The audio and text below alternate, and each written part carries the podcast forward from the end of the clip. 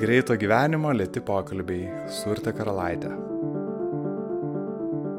Sveiki, aš esu Urte Karalaitė ir jūs klausote podcast'o Greito gyvenimo lėti pokalbiai, kuriame su įvairiais pašnekovais tyrinėjom vidinį žmogų. Man tai įdomu dėl kelių aspektų. Pirmiausia, tai puikus įrankis geriau pažinti save, bet to, girdint skirtingus žmonių mąstymo kampus ir požiūrius, plečiasi ir mūsų pačių mąstymas.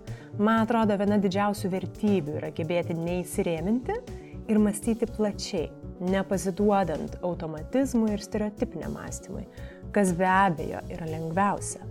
Šiandienos pokalbiui šitie pratimai taip pat pravers, kadangi pašnekovas drąsiai remiasi religiją, kuri neretai ir yra matoma gana siaurai. Čia ir bus įdomu pasitikrinti, ar pavyks atmesti įprastus stereotipus ir įsiklausyti į pačias žodžių prasmes. Šiandienos epizode kalbuosi su Rimu Šapausku, daugeliui žinomų komikų ir didžėjumi. Žinoma, kalbuosi ne su juo vienu, kartais prie mūsų prisijungia Budulis ar kiti jo personažai. Man Rimas labai netikėtas žmogus, o gebėti stebinti, man atrodo, taip pat yra didelė vertybė.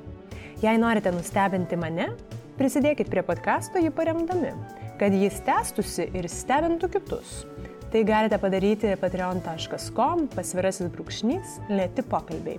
Už malonius surprizus ir prisidėjimą dėkoju Viktorui Bachmetjevui, Zitai Vasiliūniai, Edgarui Glušnevui ir Justinai Klibaitiai.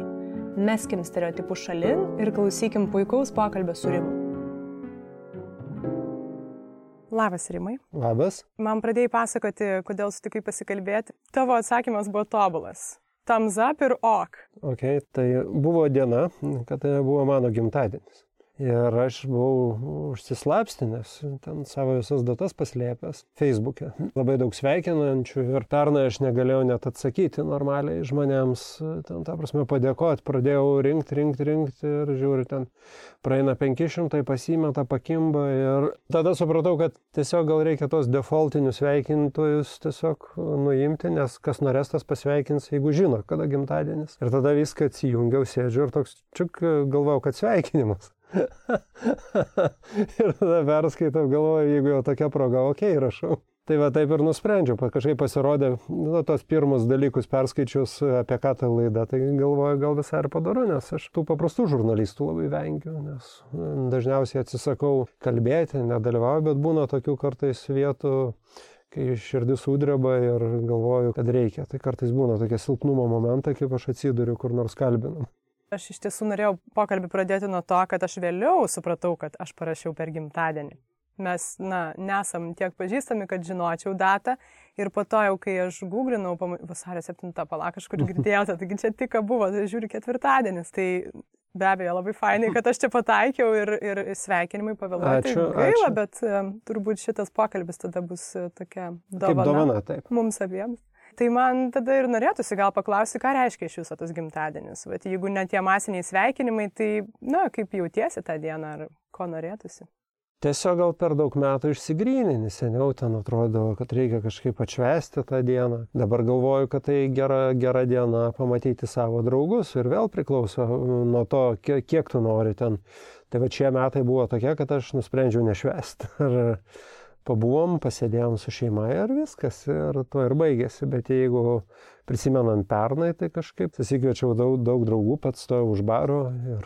Groj. Ne, maišiau kokteilius. Kartais net juokiuosi, kai būna mano ar, ar iš artimųjų, ko nors gimtadienis, tai muzikos net nebūna. Niekas negroja, tyla būna. Arba pašnekesiai. Ne? Taip.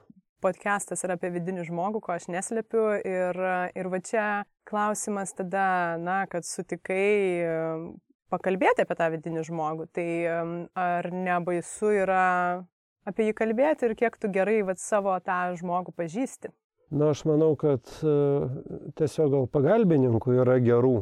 Turint galvoje, kad tą vidinį žmogų mes puikiai kiekvienas žinom, tik tai po to labai tokį pradedam netikrai aš savo lipdyti. Tai, kaip pasakyti, kai esi pats savo matas, tai labai sunku spręsti, kas yra gerai, kas blogai ir žmogus dažnai į Dievo vietą nori atsisėsti. Tai mano akimis, kai turi santyki su Dievu iš esmės arba jo ieškai ir supranti, kad, pavyzdžiui, neviniosiu žodžių į vatą, tai tarkim Jėzus Kristus, kada yra centre, Tai pagal jį sprendi, kas yra gerai, kas ne, tada kažkaip to atsiranda, kaip čia santykė tame atsiranda, ar tu darai teisingai ar ne.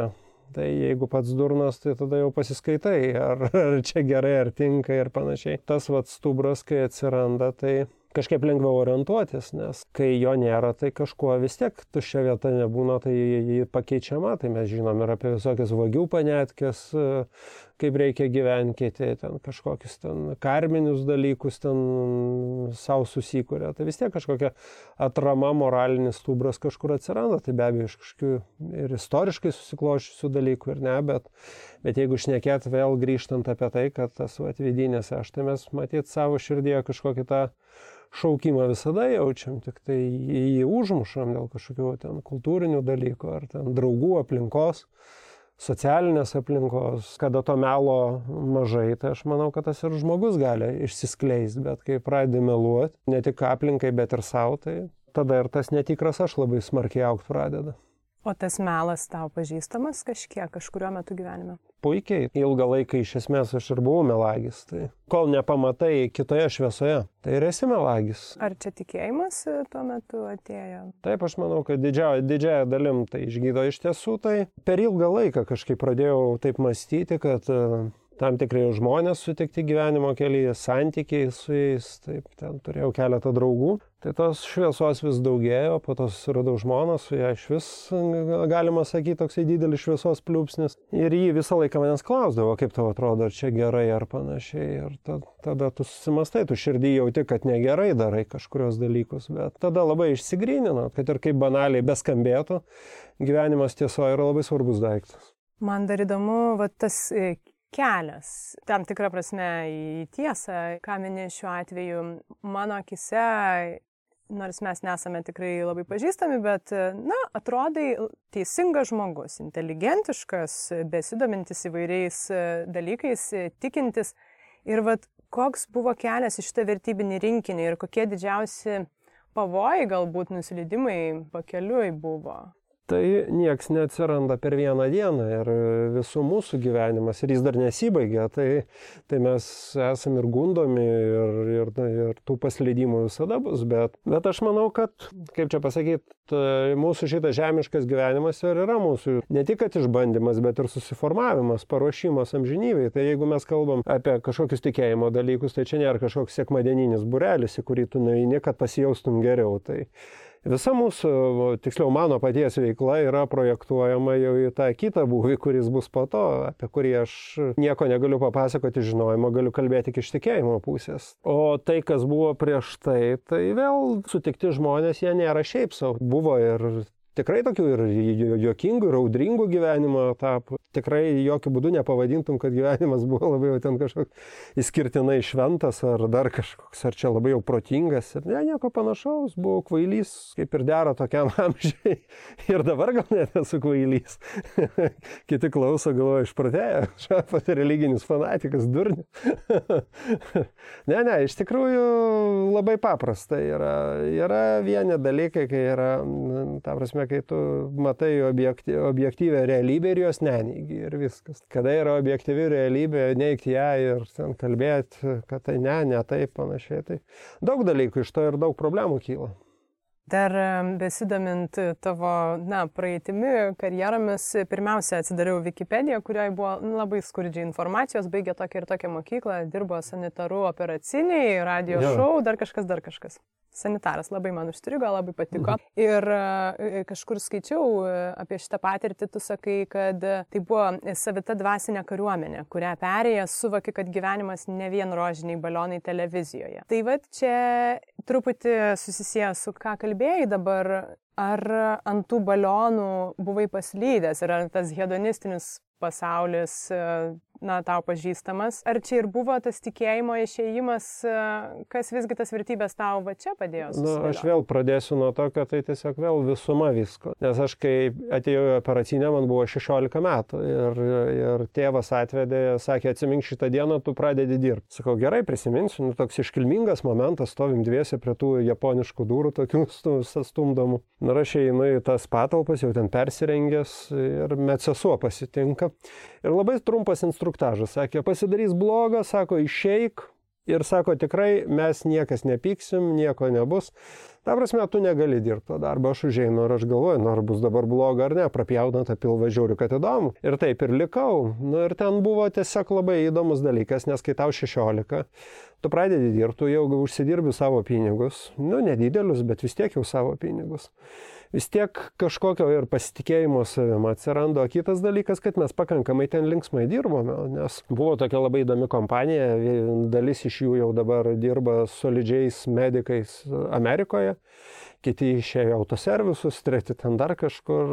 Ir buvo tokie gan tokie laukiniai jau laikai, nes pradėjo griūti Sovietų sąjunga kaip tik baiginėjau jau mokyklą, lik ir toks nusiteikimas studijuota medicina, prasideda tie naktiniai būdėjimai, nes leisdavo ten visą parą šeštadienį padirbti. Tai generalinis valymas, kur tu visą patalpą turi išvalyti, įskaitant sienas ir langus, būti prie tų operacijų, plautos instrumentus, aprengti chirurgus. Lygiai taip pat ir, ir tos ekstremalios visos situacijos, kur žmogų atgaivina, vienas iki ir žmogus ir numirė ant akių ir nežinai, ką ten daryti, nesuvokė, tada nebuvo dar tokio stubro kad ten pradėti melstis ar dar kažką daryti, stovi, žiūri, žiūri, visi išeina, ką daryti, vis tau lieka tas žmogus miręs, tai kažkokias ten maldėlės aplinkį ten šokiniai, pasikvieti kitas sanitaras, sutvarkai, matai tą, tą visą situaciją. Ir kaip pasakyti, tam tikras gyvenimo grūdinimas, nes aš ir manau, kad jeigu tu galvoji studijuoti mediciną, turi paragauti ir to kraujo, ir ne tik, kaip čia švelniau išsireiškus, ir šai, ir viskas, ir, ir baisu, ir pūliai, ir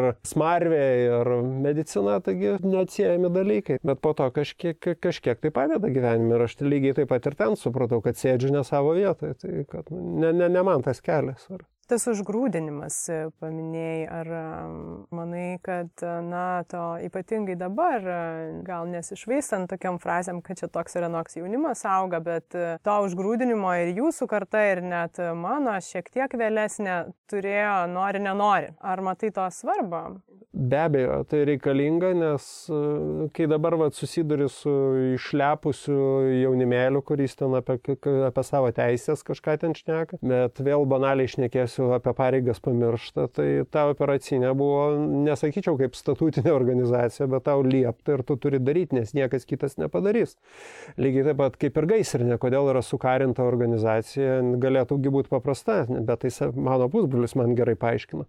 Sako, jeigu sproktų atominė, va, pavyzdžiui, Gnalinos arba įvyktų kažkoks vat įvykis, tai sako, tu, tu, tu sakytum, aš nenoriu dirbti, aš negaliu šiandien dirbti, tau įsakymas, eik ir gesink. Tai mes turime tokių, tokių dalykų ir jeigu tu dirbi įsipareigoji kažkur, tu turi atlikti savo darbus iki galo. Ir vėl pasižiūrėkim į Britų karališką šeimą, tai jie, kaip pavyzdžiui, princas Viljamas ir Haris, nu jie pasiautė vyrukai, bet, bet kiek jie ten dešimt metų kariuomeniai sėdė. Tai irgi tam, tam tikras ženklas, kad, kad ne viskas lengvai pasiekiama, jų galėtų tūsintis klubuose, šokti ten iki ryto, ten bulvarinė spauda rašytų, Instagram'e ten keisti kėdus, ten gražius fotografuotis, ten vis naujus, ten tą story daryti, ten influencinti, bet ne, kariuomenė. į Afganistaną važiavo ir dar. Tai aš manau, kad gerai, kad ir dabar va, yra šauktinių kariuomenė ir tiesą pasakius, tai yra labai geras, geras dalykas. Kažkada Kronkaitis generolas gerai sakė, sakė, nu, tai žmonės suvažiavę tenais iš visokių kaimų, tai jie susiranda draugų, pasaulį platesnį pamato, ne tik, kad ten, žinai, pilstuką gerti. Nežinau, ar dabar begeria pilstuką. ne, dabar tai ne, bet, bet tai senų laikų buvo. Tai. Priartėjus prie edukacijos, va, šeimoje visgi turi du vaikus ir kaip va, tą balansą randi vaikų auklėjime edukacijai, kur tiek užgrūdinimo ar ne, tiek, na, gero gyvenimo, kurį mes turim dabar viduriuką. Nu, šeima yra toks dalykas, kad visada turi tą tokį balansą atrasti ir šeima yra iš esmės pavyzdys, kaip tu gyveni, taip gyvena ir tavo vaikai. Tai jeigu tu namie prie televizoriaus guli visą dieną, rydamas čipsus, keikėsi rusiškai ir dedi viltis, kad tavo vaiką, vaiką mokykla išmokys kalbėti prancūziškai ir valgyti su peiliu ir šakutė, tai labai, labai didelė klaida. Ir yra, mokykla nes... turi tą padaryti. Sakot, ta, nu, va, mokykla bloga turėtų mokykla. tą padaryti, bet mokykla to nedaro. Ir dažniausiai ta, tas šeimos modelis dažnai pereina į tą brangią mokyklą, kur tėvai suveda, moka didelius pinigus ir galvoja, kad mokykla išaugins didelį aristokratą. tai ne, nepykit, bet e, vėl grįžkime prie karališkos Britų šeimos, kaip aristokratai ugdomi kitaip truputėlį. Tai jo savo šeimoje, na, vaikam kažkokį, nežinau, užgrūdinimo. Ne, yra tiesiog paprastas pavyzdys. Yra, yra tiesiog ribos, vaikai turi žinoti ribas, nes negali auginti vaikų be žodžio ne. Čia, kur yra dabar madinga, kad vaikai be žodžio neauga, po to, po to ste, kaip tas vaikas tironas toks užauga, nu kodėl jis mūsų neklauso, kodėl jis čia, kodėl jis toks, kai jau per vėlų jam kažką sakyti reikėjo tam tikrų metų. Antras dalykas vėl yra, nu, kaip čia pasakyti, pasitikėjimo klausimas. Vaika, vaikai gali daryti iki tol, kol nėra bandomas tėvų pasitikėjimas. Tai va, tai, kaip sakant, tą gėrį turi skatinti, ne, ne, kad ne, vaikai netaptų baukštus, bet vaikai irgi turi žinoti savo ribas. Ir pavyzdžių turbūt. Be abejo, be abejo, nes kaip kitaip, nu, tai negali vėl visą dieną ten sėdėti prie ekranų, nežinia ko, ne ką ir kaip. Ir tikėtis, kad jie elgsis priešingai. Taip. Kažkokiam pokalbėje mini, kad, e, nežinau, ar pusiau juokais, ar gal ne juokais, kad svarbiausia ir įdomiausia rolė tavo gyvenime yra tėvo, kas man labai gražu yra. Kita vertus, tai yra be galo atsakinga rolė ir tikrai nelengva. Kuo ji tau buvo galbūt vertinga, vis tiek netaip, netaip seniai, vat, nepilni dešimt metų, ar kažkas pasikeitė, vat, rimas prieš ir po. Tai aš tikrai manau, kad pasikeitė, nes e, persikratė truputėlį galvoju kai kurie dalykai. Bet e, norėčiau daugiau pabrėžti tokį kitą aspektą, nes kai atvažiuoja vienuoliai, prancūzai ypatingai į Lietuvą, jie pastebi tokį dalyką iš šalies, kad Lietuvoje labai smarkiai pažeistas vyro institutas kaip toks. Čia jeigu kalbant paprastai lietuviškai žodžiais, pas mus vyrų nėra. Pas mus vyras arba girtuoklis, arba mergišius, arba kažkoks toks, kur gyvena vieną gyvenimą, ten žmonės, ujujujų, katiniuk, tu mano mažiukas, o pats tuo metu tas mano baba, tai eina, eina bahūrai, kurio čia mylužiai ten sako, na, žodžiu, važiuoja čia pupydės tokios čia. Tai gaunasi toks, kad tokių kaip ir būti šeimos vyru, kažkaip labai sunku, nes kaip ir šeimos modelis, kad tėvas kaip šeimos tėvas, kad moteris, žmona, kad abipusė pagarba, tokių dalykų labai reta ir, ir tai, tai, tai nėra skatinama, o dabar dar blogiau iš viską tokia vyro pozicija, kaip ir pasakyti, kad vyras gali būti toks, čia vyras gali būti apsiverkęs, vyras gali būti, nu, tų stereotipų laužimas. Tai tie vyrai iš vis nebežino, kokiu man būti reikia. Tai ar čia man verkti, reikia, ar man čia su suknelė vaikščioti, ar man čia mergišium pasidaryti, ar čia girto kliaut pradėti, to balanso nebėra. Tai vat, aš manau, kad man, pavyzdžiui, tikrai labai patinka tikri vyrai, kur matosi ir šeimos padoris, ir kažkoks moralinis stubras. Ir... Tai kas yra visgi tada tikras vyras? Nes mano kažkelintas klausimas yra apie šitą, aš būtinai norėjau, bet šiais laikais labai... Yra tokie protestantų rašytojai, Džonas ir Stacey Eldridge'ai. Ir jie parašė knygas Žavingoji, Karas ir taika apie šeimą, Laukinį širdyje apie vyrą. Ir ten jau remiamas Biblija ir įmamas pavyzdys, nes kai vėl Biblijoje Dievas sutvėrė vyrą ir moterį, tai yra tam tikra misija, kad vyras jis vis tiek yra laukinis širdyje ir jis visada bus linkęs į nuotykius. Vyras, kuris, vadinkim, šiek tiek yra pasiutęs, linkęs į avantūras, eiti kažkokį žygį, mokantis sukurti laužą, ten netgi galima sakyti ir pasprogdinantis pirotechniką, vis tiek sūnui yra geras pavyzdys. Ir aš iš savo sūnaus akių matau, kai mes einame į ekspediciją dviesiai į mišką, tarkim. Tai kaip jis atgyja, kaip yra įdomu ir jeigu dar parodai kažkokių dalykų, tai yra vyriška gera kompanija. Tai vėl vyrai gali puikiai pa- pa- paliudyti man, kad ne, ne veltui tos visokios žvejybos, medžioklės, dar kiti dalykai yra labai vyriški užsiemimai, nes ten, ten kartais ir nereikia jokių kitų ten pramogų, ten gir, girto klyšių ar, ar ten ieškotis kažkokių laisvo elgesio moterių. O moteris pagal pašaukimą yra žavingoji, nevaldyti, kontroliuoti. Psichologija sako, kad kiekvienas vyras turi kažkiek moteriškos energijos ir, ir atvirkščiai. Tai va čia nežinau, kaip, Matai, ar, ar vat, tas vyras, nuotikių ieškotojas, laukinis, ar jisai gali turėti kažkokį balansą su ir kažkokiam, nežinau, moteriškom empatijos? Ar... Tai be abejo, tai aš manau, kad vėl, kaip sakant, reikia žiūrėti ne į mišką, o matyti atskirus medžius. Tai kiekvienas iš mūsų yra unikalus ir turim savo ir charakterį, ir kažkokias emocijas. Tik tai tiek, kad jeigu kalbame iš principo apie tai, koks yra pašaukimas Paklauskit paprasto vaiko, jis jums nupasakos, o tėtis, kokį tu norėtum tėtį matyti, o kokią mamą norėtum matyti. Ir vaikai puikiai papasakos, kokį su juo norėtum matyti. Bet vat, labai gaila, kad dažnai, kad ne, nebeišeina papasakoti, nes vis tiek tas ir šeimos subyro, ir mūsų tie gyvenimai tokie, mm, kaip pasakyti. Ir vėl grįžtam prie to, kad pasakojau apie tai, kad rimta Lietuvos problema, kad yra vyro institutas labai smarkiai pažeistas, ir dėl to labai netgi sunku žmonėms suvokti Dievą kaip tėvą, nes tėvo namie nėra. O kas yra geras tėvas namie šiuo atveju? Kaip tu matytum ir kaip galbūt, na, tu bandai čia laviruoti toj roliai? Na, aš manau, kad geras tėvas tas, kuris tiesiog e, rūpinasi savo artimaisiais, rūpinasi savo šeima. Lygiai taip pat žmona, jeigu turi vaikų vaikais, visigi mes norime, kaip sakant, kad e, tas gyvenimas, kaip čia daug dainų net prikurta, kaip iš karto į galvą ir toptelė, I believe in one love. Šitų dainų tai tikrai netrūksta. Prie santykių šeimoje ir poroje galbūt įdomu kokie kertiniai poliai tavo matymų, baziniai būtų jau čia poros santykio? Kas tau yra svarbiausia? Manau, kad vėl, kai jau žmogus įsipareigoja kažkam, čia vėl grįžtant prie tų pačių vyro, apie, apie vyrų kalbą, kad vat, nėra to įsipareigojimo, bijojimas įsipareigoti žmogui. Jis sako, man santokos nereikia. Nu, jūs pasakykit iš merginų pusės, kuriai merginai nereikia santokos. Mes tiesiog gyvenam Tai gėjams net reikia santokos, jeigu jie pasako, kad mes norim būti apdrausti, čia, kad sužinot, kaip ten mano sutoktinis, ar ten serga, ar ištraukti kažkokią informaciją, aš turiu tur, turtiškai būti apdraustas ir panašiai. Nu, tai kartais ir tas bėgimas į, į nuo įsipareigojimo mes turim peraugusius vyrus, peraugusius berniukus, berniukams, kuriems 35-40 metų tie peraugę berniukai ir toliau gyvena berniukišką gyvenimą. Tai šiuo atveju tu prisėmė įsipareigojimą.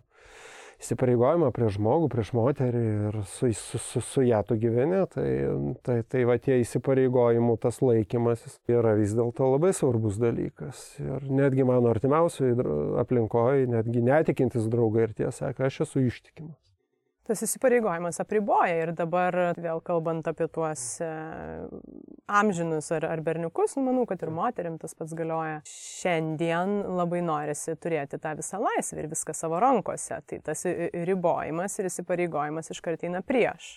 Tai čia kaip, e, kaip čia vėl iš šventą raštą atsiriamant nepasotinama svetimavimo nuodėme. Vėl, kai žmogus e, paklystis savyje, tai vėl atsiverti šventą raštą ir ten viskas yra parašyta, prieš 2000 metų parašyta apie tą žmogų, kuris gyvens po, po 2000 ir po 4000 metų, jeigu dar gyvens. Šiuo atveju šiais perteklio laikais vėl grįžtama prie savęs ribojimo, atsiribojimo nuo tam tikrų dalykų, askezės kažkokios, tai ar tos pačios dietos, ar kiti dalykai, vėl yra askezė, vėl susilaikimas nuo kažko. Tai atsiranda veganai, staiga ten pradeda už gamtą kovoti, nes ten karvės, keulės ten labai teršia gamtą, žmogus labai nekenkia gamtai šiaip. Nu, čia prasmės galbūt ieškojimas. Taip, be, be, bet vėl tas pats kažko atsisakymas, vėl askezė yra tam tikra Žmonės, kaip čia pasakyti, patys to nežinodami, jie vėl užsidarinė. Kaip viena prancūzų šeima pasakojo apie tokią mergaitę, kuri Prancūzijoje priėmė islamą. Labai paprastai motivavo, sakė, man reikia ribų. Nes iš tiesų ar nėra taip, kad perteklius, na, dabar ir produktų, paslaugų ir ko tik nori, ir šiuo atveju kalbant apie santyki ir kažkokių partnerių, kai tu pajauti tą laisvę, kad vad gali, va dabar tarsi visuomenė jau, jau tarsi galima, kad tas perteklius galiausiai tave gražina į tą kažkokį atskaitos tašką, kur tu supranti, kad tavo bazinis poreikis emocinis yra ne tas. vienas toks airių vienuolis pranciškonas atvažiavęs čia vyram pasakojo, sakė, buvo, buvo mušeika, mergyšius, žodžiu, ir sakė, vieną dieną plink, sako, stop. Ir nuėjo žmogus į bažnyčią ir tapo ne tai, kad vienuoliu, bet ir kūnigu. bet muštinių visas, visa patirtis liko, nes jis pasirodo apmoko vienuolius, pranciškonus, kurie važiuoja į šventąją žemę, kovos veiksmų, nes jeigu reikėtų kartais gatvėje su kuo nors susikalti, tai vienuoliai dar ir pakraut galėtų. Jeigu ką. Taip, nes jis sako, aš tavo antrą žandą atsuksiu, sako, jeigu tu man trenksi, bet trečio žando pas mane nėra. Tu mini, kad kelias į dabartinės vertybės pamažu atvedė, bet vat, šitas taškas įdomus, kur staiga žmogus susivokia, nežinau, gyvenęs vienaip savo gyvenimą, staiga per vieną momentą apsiverčia, ar, ar tai yra kažkiek tau pažįstama, ar yra buvę tokių momentų. Aš manau, kad taip, nes reikėjo kažkada jau pripažinti, kad tu išeini, kad tu gyveni tiesoje, kad tu esi krikščionis ir tu turėjai papasakoti į savo aplinką artimiausiai. Ir artimiausia aplinka kažkaip nelabai suprato. Sakė, va, kuoktelį išprotėjo. Bet po to apsiprato. Tie santykiai vėl iš naujo persikonstravo su žmonėm. Bet iš naujo, ar jie, sakytum, kad pasikeitė kažkuom, tai, na, jūs turbūt susitikę laus gerit, nekalbat tik apie Jėzų. Ne, tai be abejo, priklausomai su kuo. Tiesiog šiaip yra probleminiai dalykai, apie kuriuos tu gali kalbėtis, matai tam tikras tendencijas, ar kas dedasi su pasauliu, ar dedasi artimiausioje aplinkoje, kaip spręsti, kaip žiūrėti. Nu, tai vėl čia giniai išspręsi, kaip pasakyti, baisiausia, kad žmonės iškart pradeda galvoja, reikia keisti pasaulį. Ne, reikia keistis pačiam iš esmės. Nu, tu keitiesi, nu, aplinka, aplinka pradeda, nu, nu, čia, čia lygiai tas pats, kas pasitvarkyti iš esmės, ar ten kažkokią tvorą pasidažyti, ar ten, ten žolytę pasisėti ir jau viskas kitaip. Jau čia ne, ne, nereikia kažkokio labai didelio dalyko padaryti, ar ten kažkokį savo ten šiukšlyną kiemę susitvarkyti. Čiagi pakankamai nuo tavęs tik tai priklauso. Klaidos. Na, gyvenime visko būna. Kaip tu jas atpažįsti, įsivardyji? Panaudoji galbūt kažkam, na, įsivardinęs, kad va čia kažkoks veiksmas buvo klaida, kaip reaguoji. Nu tai vėl grįžtu prie to paties, kad tai vadinama nuodėmė iš esmės. Nu, mano mąstysenai, nes jeigu tu padarai nuodėmę, kas yra nuodėmė, tai vėl meilės trūkumas, prašovimas pro šalį, tai yra netgi ir gėrio nepadarimas kartais yra nuodėmė. Paprastas pavyzdys, išeini į lauką, matai žmogus voliojasi, tu praeini, nenori teptis rankų, nes tu gali paklausti, kas atsitiko ar panašiai ir iškviest greitai, tai čia nereikia būti tikinčių žmogum, čia mano netikintis draugai net kartais jautresni yra už mane, bet turint galvoje, tu pajauti, kad suklysti, at, pavyzdžiui, šneki, šneki, juokiesi iš kažkur, tu suvoki, kad, nu, nedara iš to nei juoktis, nei šnekėti. Ar, ar vėl ten lygiai taip pat, ap, kaip čia pasakyti, abstrakčiai teist žmonės. Ten. Vat jie tokie, vat jie tokie, vat, tai, tai pas mus daug tokių dalykų yra, kad ten rusai tokie, ten dar ten, va, gėjai tokie, ten negrai tokie dabar ten. tai, tai negalima niekada suabsoliutinti tokių dalykų. Ir tu sakai, kad tai problema yra labai daugias sluoksnė ir tu turi daug įsiklausimo, daug išminties turėti kalbant apie tai. Negali išlysti Facebooką su pareiškimais, padarai pareiškimą ir panašiai. Tai lygiai taip pat ir privačiuose pokalbėse kartais atpagauni save, kad tu suklysti ir kalboji ar dar kažko, arba pradedi ten savo galvoj žaisti su, su mintimis ar dar kažko modeliuoti kažkokias situacijas, bet tu supranti, kad tu šūdą galvoji. Nu, tai ne, ne kažką pozityvaus, gero, kaip sako, tu galvok visada geriau negu yra. Prie tų pačių klaidų ir vat, pastebėjus kažką, kas yra prieš tavo moralę, ar vat, kažkokia savikritikas, saviplaka yra pažįstama? Aš manau, kad mes pajaučiam širdį, kažkoks toks užeina karšta, bloga, nenoriu to daryti. Tai yra prieš mane. Aš manau, kad labai daug žmonių, kurie dirba korporacijose ar dar kažko, aš įsivaizduoju, kaip jie susirenka kokiam susirinkime ir būna iškeliama mintis, kurai absoliučiai prieš jų valią. Ir užsidegęs direktorius, koks nors departamento, ten vedėjas, viršininkas aiškina, o tu suvoki, ne, tik ne tai, nu, ne, nedarykim. Ir tu suvoki, kad sugaiš, sugaištas laikas. Deš, ten kokių dešimt metų mes du, durną planą galvojam ir panašiai. Ne, tik ne tai. Tai va, kartais būna tas modelis ir paprastam gyvenime, lygiai taip pat ir man, kad pajauti, ne, ne, aš to ne, nedarysiu ar, ar panašiai. Jau nekalbant apie tai, kas atvirai yra. Atvirai nuodėmė, blogas dalykas ir į, į tą aš neįsiu ir aš tikrai nenoriu, aš to nedarysiu ir viskas. Reikia turėti tikrai tos stiprybės pasakyti ne, nes Visi mes norim būti labai geresni, negu iš tikrųjų esame, ar ten, kad būtų geri. Visiems tarsi įtik, ne, čia nieko tokio, guosti, kai vietoj to, kad tu sakytum žmogau, tu krenti nuo bedugnės, tai tu sakai, ne, palūkėk truputį, pas, pasišnekam, dar pasikalbėkime su tavimi, ne, jeigu sakai stop, nes tu nenori susigadinti santykių ir esi priverstas meluoti. Melo mes turime per akis. O atleisti savo pastebėjus, na, ar melą šitą na, kad nenešti toliau tos kažkokios kalties. Tai žmogus turi taisytis, pirmiausia, tai va vėl išpažintis, tai va aš sėdžiu čia dabar pasakoju. Čia išpažintis, ne, ne. Jokauju. Aš neturiu tokio. Jokauju, ne, bet vėl grįžtant, tikinčiam žmogui yra lengviau, nes išpažintis visi labai labai subanalina tos dalykus ir labai, labai banaliai įsivaizduoja, kad ta išpažintis čia va, tarsi tam vaikiškam ligmenį ir lieka, kad to, to prievartiniu būdu turėjai kažką ten kunigėliui pasakoti, čia to, to Tai ne, žmogus, visi mes puikiai žinome savo nuodėmės, puikiai širdėje pažįstam, jas turi išpažinti ir turi keistis, kad jų nebedaryti. Tai ta išpažintis ir gydo tavyje viduje. Tai kiek žmonės eina pas psichologus, moka didžiausius pinigus, Ne tam, kad psichologas pasakytų tavo problemą, bet tam, kad tu pats kalbėtum, kalbėtum, kalbėtum, kalbėtum, pasikalbėtum, kalbėtum už pinigus, kol pačiam daitų, va mano problema. Psichologas tik padeda tave suka, suka, suka per aplinkui, kad kol tu pačiam prisipažintum. Tai kiek, kiek žmonių eina pas psichologus, psichoterapeutus ir negėda jiems dėl to. O jeigu kas nors pasako, kad aš einu iš pažinties, tai... Na, čia turbūt yra iš tiesų mūsų vaikystės ir santvarkos, ir, ir babyčių, ir tai be abejo, viso ko suformuotas. Toks pakankamai yra toks kontroversiškas rusų filmas Sala apie tokį žmogų, kuris užmuša savo kovos draugą, negali savo atleisti, bazosi po vienuolynus, tampa labai šventų žmogum. Ir galų galio į toj gilioj kančioj pas jį atvažiuoja mergina, kuri ieško kažkokio klausimo atsakymo ir per tą pokalbį išaiškėja, kad ji yra to žuvusio draugo dukra. Ir kas tas draugas gyvas, sveikas, nemirė ir panašiai. Ir va vėl ta, ta va, psichologija, kaip, kaip tu ten kelis dešimtmečius savo negali atleisti ir panašiai, nors tu ir esi ir tikintis ir panašiai. Tai, va, tai, tai kartais yra lengviau pamatyti tą regimą į ženklą, kad tau iš tikrųjų atleistų. Dabar e, labai daug beprasmybės aplink žmonės, ne aplink ir viduje, ir, ir aplink e, jaučia, na, šiandien tikrai tokia didelė problema. Ir e, aš turbūt spėčiau, kad tu didelę dalį prasmės ir tikėjime randi. Jeigu vat už tikėjimo, arba nežinau, arba prieš tai, kai jie atradai, kame tu dar, ar susiformulavai, ar radai prasme? Nu, tais laikais tai tikėjimas buvo tik viena iš prasmių, kita atrodė ten kažkokie nuotykiai, vakarėliai, dar kažkaip ten tas laikas praleistas, bet kai jį dabar prisimeni, tai jis buvo smagus laikas, nu tiesiog ir buvo, tiesiog prasitrina daug kas galvoja, ten, nu pažiūri tas senas nuotraukas, betgi Instagram'e matai ir dabar tie vakarėliai vyksta ir tie patys jauni žmonės daro tą patį, ką tu ir seniau veikiai, tik tai mes nepostindavom.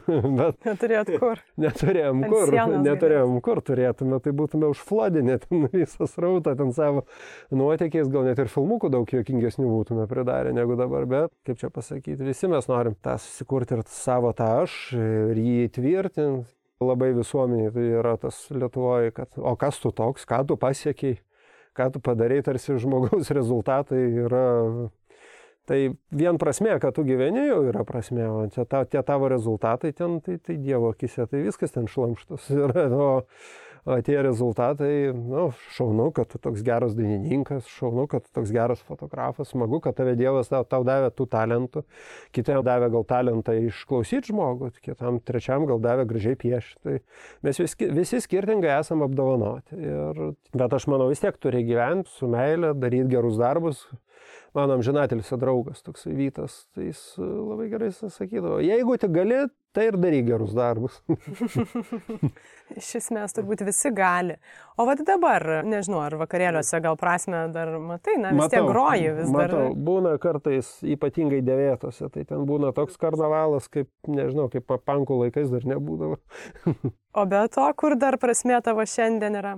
Prasme, Nu, manau, kad vis tiek gyvenime, tu gyveni šią dieną, nes ten ta ateitis, tai jos gali ir nebūti, nes gyvenam ant tokios parako bačkos, kur bet kada sprogt gali, tai reikia ir išnaudoti tą kasdienybę, ten gyventi, džiaugtis, prisisemti iš tos dienos e, džiaugsmo, vis tiek ten turim kažkokių malonių dalykų, ir, ar ir skaniai pavalgai, ar gražioje aplinkoje atsiduri, ar kažkokį ten saulėlį gražų pamatai, tai pastebėt, nes ką daryti, nes daug žmonių sako, tai čia jau padarysiu tą, tada jau darysiu tą, padarysiu tą ir dažnai niekada taip ir nepradedi gyventi. Kaliesi, kaliesi, sugadini visą sveikatą, nebėra kada tau nei tų viskių gerti, nei ten keliauti po tą pasaulį, tai kol gali tai ir daryk. Nu. Bet kaip suprantu, su, su veiklomis e, iš esmės kažkokios savo vertės neligiuoji. Kaip tau veiklos vad gyvenime veikia?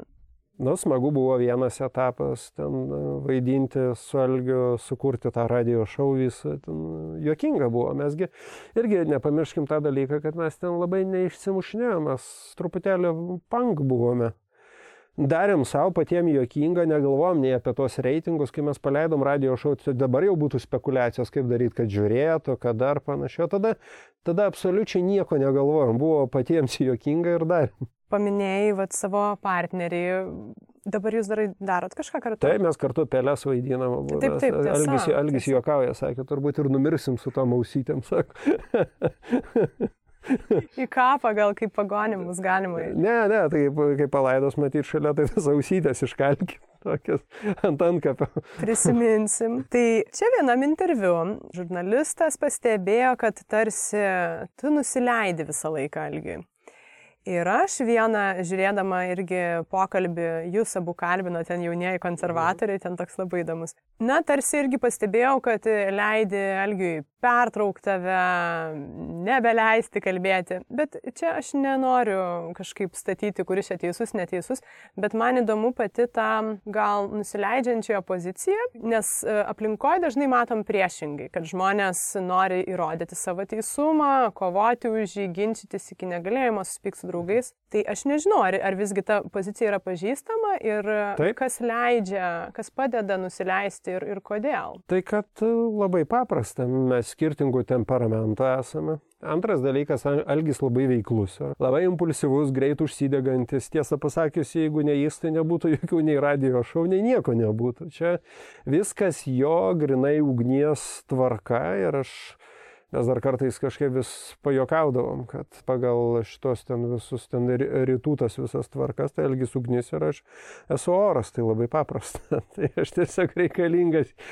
jam įpūsti. Tai va, tai tokia katalizacija gaunasi, kad mes kartu, kai pradėjom daryti, mes labai gerai pagavom, pagavom vienas kitą ir kai mes juokaujame, tai mes jau jaučiam vienas kitą, kad per tris žingsnius žinom, kaip toliau pokalbis vystysis. Tai, tai tie mūsų dialogai mes praktiškai kaip ten italų kino klasikai be jokio scenarijaus darydom. tai, tai tie dialogai labai natūralūs gaudavosi vien todėl, kad jie tiesiog vietoj iš lempos kuriami buvo. O kitas dalykas vėl yra, jeigu kažkur mus ten pasikviečia šnekėti kažkokia tema, tai Elgis turi ką pasakyti, jis turi tos skambius pareiškimus, tai aš, aš neturiu tokių, kad konkuruočiau su juo ar dėmesio, ar dar kažko, tai man daug smagiau kartais yra pasiklausyti, pakikent šalia ir panašiai, o jeigu reikia, tai tiesiog užvesti jį ant temos, kad kitur įsiliepsnuotų. Oras. Kad kitur įsiliepsnuotų. Ir nemanau, kad tai tiesiog didelė problema, gal dėl to mes taip ilgai, ilgai kartu ir esam kaip, kaip grupė. Aišku, buvom daug kartų ties, ties jau susipykimo, išsiskirimų, ten kaip grupė Depešmot, kur jau temperatūra ir susimuždavo kartais, tai jie visi, bet... To reikia. Bet, iki to nedėjom, bet, bet buvom jau daug kartų, va, tai, bet va, vėl likimas kažkaip mūsų suveda atgal. Mes vienas iki buvom taip smarkiai susipykę ir kažkaip jau dviračio šau tą pajuto ir Haris paskambino, sakė, klausyk, šapai, ką veikia kitą sezoną, sakau, kol kas nieko. Sako, tu nenori dviratį pas mus, nu, sakau, gerai. Ir lik ir ta pelė turėjo būti Sakalauskas aktorius. Bet kažkaip laikas tempiamas, tempiamas ir tą dieną, kai jau reikia pradėti filmuoti, ateina Haris. Aš sakau, kas bus tas mano poroj, kas bus. Ir Haris įveda, sakė, va, tau suradom kompanioną ir įveda algį. ir taip gavosi, kad mes vėl iš naujo buvome priversti ir vėl dirbti. Ir po šiai dienai tai viskas labai tvarkoja. Tai mes turim tas pelės, karts nuo karto vis ką nors padarom, o jeigu reikia jau padaryti kažką, kas būtų reikalinga tėvynė ir panašiai, tai be kalbų iš karto sėdam ir darom. O jeigu vat, už jūsų santykių šitų dramatiškų, tai vat, tas nuolankumas, ir, nes čia turbūt su ego labai susiję. Kaip tada Rimas su savo ego bendrauja tuo metu. Nes, na, neretam žmogui turbūt skauda, kai vat, jį pertraukia, jo neišklauso. Ir... Nu, ne, ne, aš tokių dalykų neturiu. Vis dėlto tas ego net, neturi būti labai smarkiai didelis. Tai taip, aš dominuojantis, kai kam aš netgi atrodo arogantiškas arogantiškas, bet čia vien dėl to, kad tiesiog tokius manierus, taip šneku, taip kartais pasirodo, kad ne, šitas arogantiškas labai žmogus ir man Čia tiesiog e, gal iš praeities kai kurie dalykai atėjo. Bet nuolankumas yra tam tikra darybė ir sustoti, įsiklausyti. Iš kitos pusės aš turiu savo tamsėje, tą menulio pusę, tai tą budulį, kur, kur baubė pertraukinėja, rėkauja, choleriškai bleuna. Aš kartais save pagaunu, kad aš iš tikrųjų ir, ir, ir esu budulis.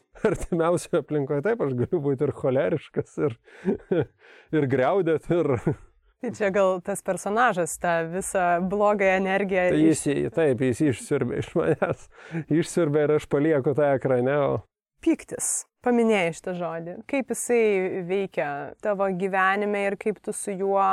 Nu, tai nėra faina emocija. Ji yra, kaip pasakyti, vėl vėl grįžkim prie bažnyčios mokymo, jį yra indiferentiška. Iš esmės pyktis jis, kaip tu jį vėl naudoji, pyktis gali būti teisingas, kad tu nuoširdžiai supyksti vien dėl to, kad tu matai aiškiai neteisybę. Bet iš kitos pusės ir yra ir rūstybė, kur tu perlenki lasdą iš esmės. Nu, sudegink jų miestą, nužudyk visus jų kariuomenę ir panašiai. Tai piktis, jis, jis gali būti visoks, kaip John Lydonas grupės buvusios Sex Pistols vėliau už Public Image Limited dainavo Anger is an energy, kad piktis yra energija. Tai šiuo atveju pykčių pas mus varoma beveik viskas, visa žiniasklaida, dar kažko. Žiūrėkit, jeigu žmogus nėra piktas, jis nelenda niekur, ne internetą komentuoti, nes jam nerūpi elementariai. Bet jeigu jis piktas, jis paklodėmis gali komentarus rašyti. Ginčytis iki nukreitimo, kas jį veda. Piktis veda. Tai iš ko tas ateina tada tiek daug to pykčio? Nu, gali būti ir iš velnio, ne iš kokį daugiau. Skaldytojas, kiršintojas, kaltintojas. Tai, tai šiuo atveju tas pyktis, kaip tu jį suvaldai. Ir čia užkalnis Andrius irgi labai gerai parašė, kad nuoskaudos yra vienas pagrindinių Lietuvos variklių, nes tu nuoskaudas labai gerai prisimeni. Ir tu viską pamirš gali išskyrus nuoskaudas.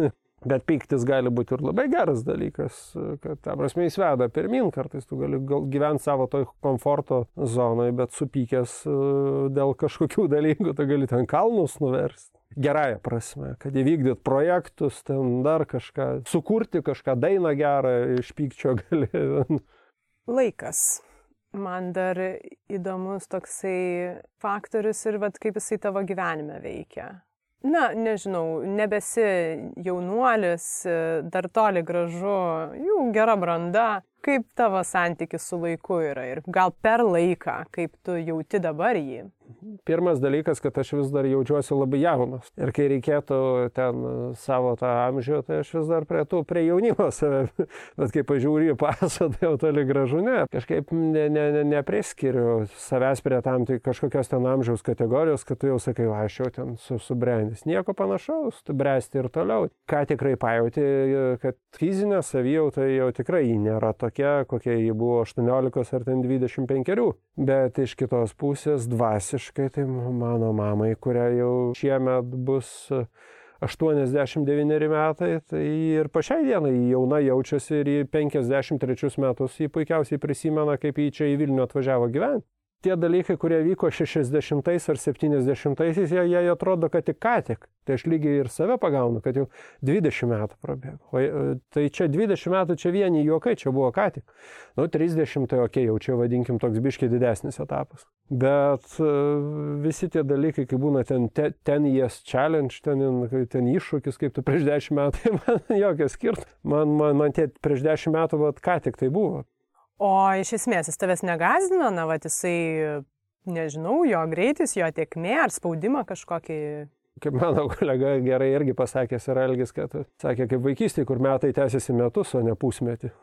tai, tai tas yra, dabar, dabar metai jau per pusmetį per greit prabėga, tai greitai metai per tris mėnesius prabėgs, greit metai per mėnesį prabėgs jeigu šnekant paprastai, tai vėl nesureikšminu šito dalyko, nes nu, gyveni pagal savo metus ir gyveni pagal savo laikmetį.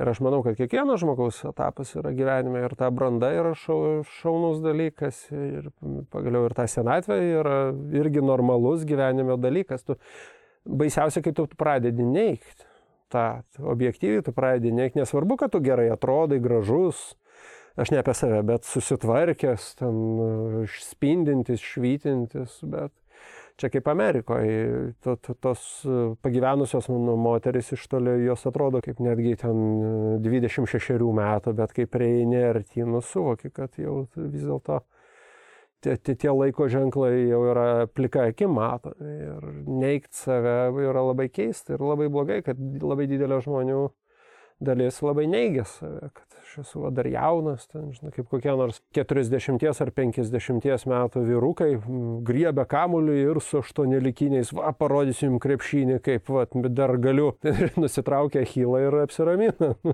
Čia gal kraštutinumas, bet man įdomu paminėjai tas moteris Aš nesakau, kad kažkokias kaukės dėvėti, bet jeigu tu jautiesi jaunatviška, 80 ir tau tas minisijonas, net nežinau, bet kaip tą matai tas neįgymas, kiek galima žaisti? Iki kelių metų galima žaisti. Žinokit, kai aš prieėjau tada prie tų moterų, buvo weird. freak, buvo freak. Nepykit. Aš tokia būsiu, man atrodo. Aš neteisiu juo labiau. Ne, neteisiu, to labiau ir ne, nereikia, kad čia kaip žmonės įsivaizduoja, kad senatvėje tai būtų apsileidus ir panašiai. Mes turėjom tokį talentingą aktorių Petrą Pečiūrą, jis pas mus senuką tokį vaidino, jis gaila jau numirė. Tai mes prisipirkdavom humanų rūbų, aprengdavom jį jaunatviškai ir sakydavom, Petrai, tai eikit su tais rūbais, dovanojam, pasimkit ir eikit. Na, ne, sakydavo, ne, tai mano kažkaip žmona labai gerai atrado tą kodą, kad yra tas močiučių apsirengimo kodas. Mes labai neigiam tokius dalykus, nes mes įsivaizduojam madą, kaip, tarkim, ten, kaip dabar yra. Ten, tai ten kažkokios gučių dalykai, ten dar kažkokių ten garsių dizainerių, tai tie visi prekiniai ženklai. Pažiūrėkit sekmadienį, močiučių kontingentas, kuris važiuoja į bažnyčias. Jos visos vienodai apsirengs tie, tie, tie rūbeliai, tos spalvos pakankamai panašios, tos beretės, yra tie kodai, kaip jos atrodo. Tai va to mūsų sovietmečio tas pagadinimas va taip atrodo, aš nesakau, tai jeigu moteris atrodo gražiai ir elegantiškai, tai viskas tvarkoja, bet kartais būna ir perlenkimas į kažkuria pusę. Pabaigai dar e, perskaičiau prieš popiežiaus vizitą, daug mhm. ten buvo interviu, visokių pokalbių. Ir sakei, kad, na, kad tavo nuomonė į susitikimą su popiežiumi ateis ne tik tikintieji, e, nes jiems smalsu ir įdomu. Tai visai pamaščiau apie tai, kodėl ir galvoju, kad ar nėra taip, kad iš tiesų žmonės iš prigimties yra geri ir jie nori iš tiesų tokiais būti.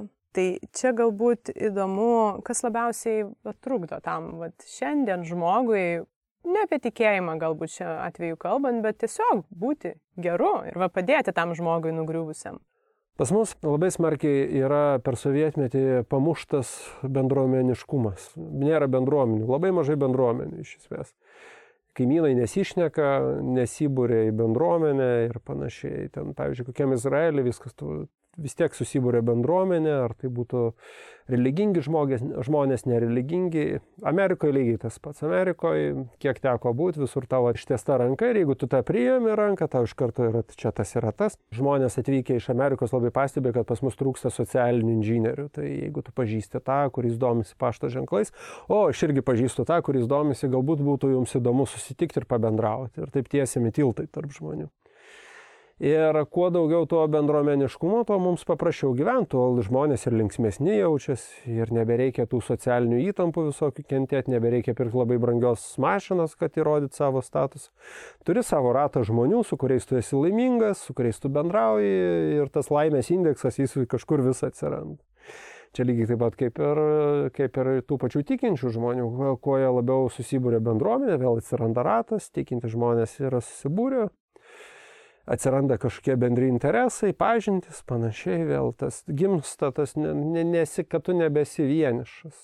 Esi savo vienatvėje ir tu matai tą visą, tą, tą emocinį šiukšlyną iš socialinių tinklų, kad tau reikia būti to, reikia, reikia to, reikia to ir tu paklysti ir nebežinai, ko tu nori. Ir tu nieko iš to negauni ir tampi dar liūdnesnis ir dar liūdnesnis, tada nebesugebi susirasti nei savo poros, nei žmonių, tada, tada, tada bijai, kad tu neišsilavinęs, dar kažkoks, dar kažkoks, dar, nu tai pažiūrėkime, ar ten vakarų pasaulio labai išsilavinę visi, ar kad ne, tiesiog žmonės susiranda savo ratą žmonių, su kuriais jie puikiai jaučiasi, nueik į Britaniją, bet kurį pabą ten jie pasakys, tu nekvaršink man galvo, čia man draugai, mes viskas tvarkoja, mes turim tą savo įprastą gyvenimą, tą savo futbolo klubą tą, ir aš laimingas ir tu man ne, nepasakok. Ir lygiai taip pat ir vėl vakaruose, žiūrėkit, kai buvo kažkada tokia palyginamoji situacija, kai nukrenta žmogus ten kažkur Rusijoje, Maskvos gatvėje ir kitas Amerikoje. Tai Amerikoje, ar ten išsitatuiravęs, ar, ar ten kitoks žmogus, jis vis tiek prieina, ar tau viskas gerai, ar, ar panašiai. Tai yra ta empatija. O, kitur praeina. Lietuvoje Vilniuje šitas buvo irgi, man atrodo, prieš metus daroma, irgi aktorius vaidino sukniubusi ir, ir ten buvo keletas skirtingų labai reakcijų. Iš tiesų, aš noriu pabaigai papasakoti. Dabar aš paimsiu va tiek va eterio. Iškart po šito eksperimento, kuris buvo Facebook'e, YouTube'e, kitą dieną aš einu, aš gyvenu prie Vingio parko, Krasnuhoj, einu link Vingio parko ir žiūriu, guli žmogus. Guli lygiai tiesiai Nu ir man suskamba tas eksperimentas, gal ir šiaip būčiau priejus, bet aš dar su šunim, ta šuo, aišku, taso prie to žmogaus prieinu, sakau, atsiprašau, ar jums viskas gerai, žmogus pakelia, vyras, nu, toks jau vidutinio amžiaus, pakelia galvą, apsvaigė jo akis, sakau, ne, ne, aš ilsiuosi. Mhm. Ir aš pasijutau kalta, kad sutrukdžiau žmogui ilsiuosi. Polisiu. Tai Ačiū Rimai už tavo laiką. Ir aštres, ir tokias skvarbės mintis, ir va to bendruomeniškumo. Tada aš linkiu, kad e, burtume aplink save tos žmonės, kaip socialiniai inžinieriai, ar ne? Taip. Labai geras terminas. Čia yra toks terminas. Nežinau, jis iš Amerikos atvežtas. Na, nu, tai mes jį galim pasiskolinti. Gerai. Ačiū, kad klausėtės. Esu tikra, kad buvo momentų, kur pakikenot kartu su mumis, bet tikriausiai buvo ir rimtesnių akistatų su savimi. Labai įdomu būna išgirsti įvairiausius jūsų pastebėjimus ir patyrimus po pokalbio. Tad jei tik norisi, drąsiai dalinkitės, rašykit man socialinėse medijose. Nepraleiskit naujų epizodų sekdami podcastą Instagram ir Facebook paskyrose arba prenumeruodami jį. Beje, jei jums įdomu tai, ką girdite, parašykit atsiliepimą Facebook'e ar iTunes platformose, papasakokit apie podcastą draugams, norėtųsi, kad jis pasiektų ausis tų, kuriems šios temos iš tiesų aktualios. Priminsiu, kad prisidėti galite patreon.com lėti pokalbiai. Nemeluokim savo. Su jumis buvau aš, Urte Karalaitė. एक एक तो कर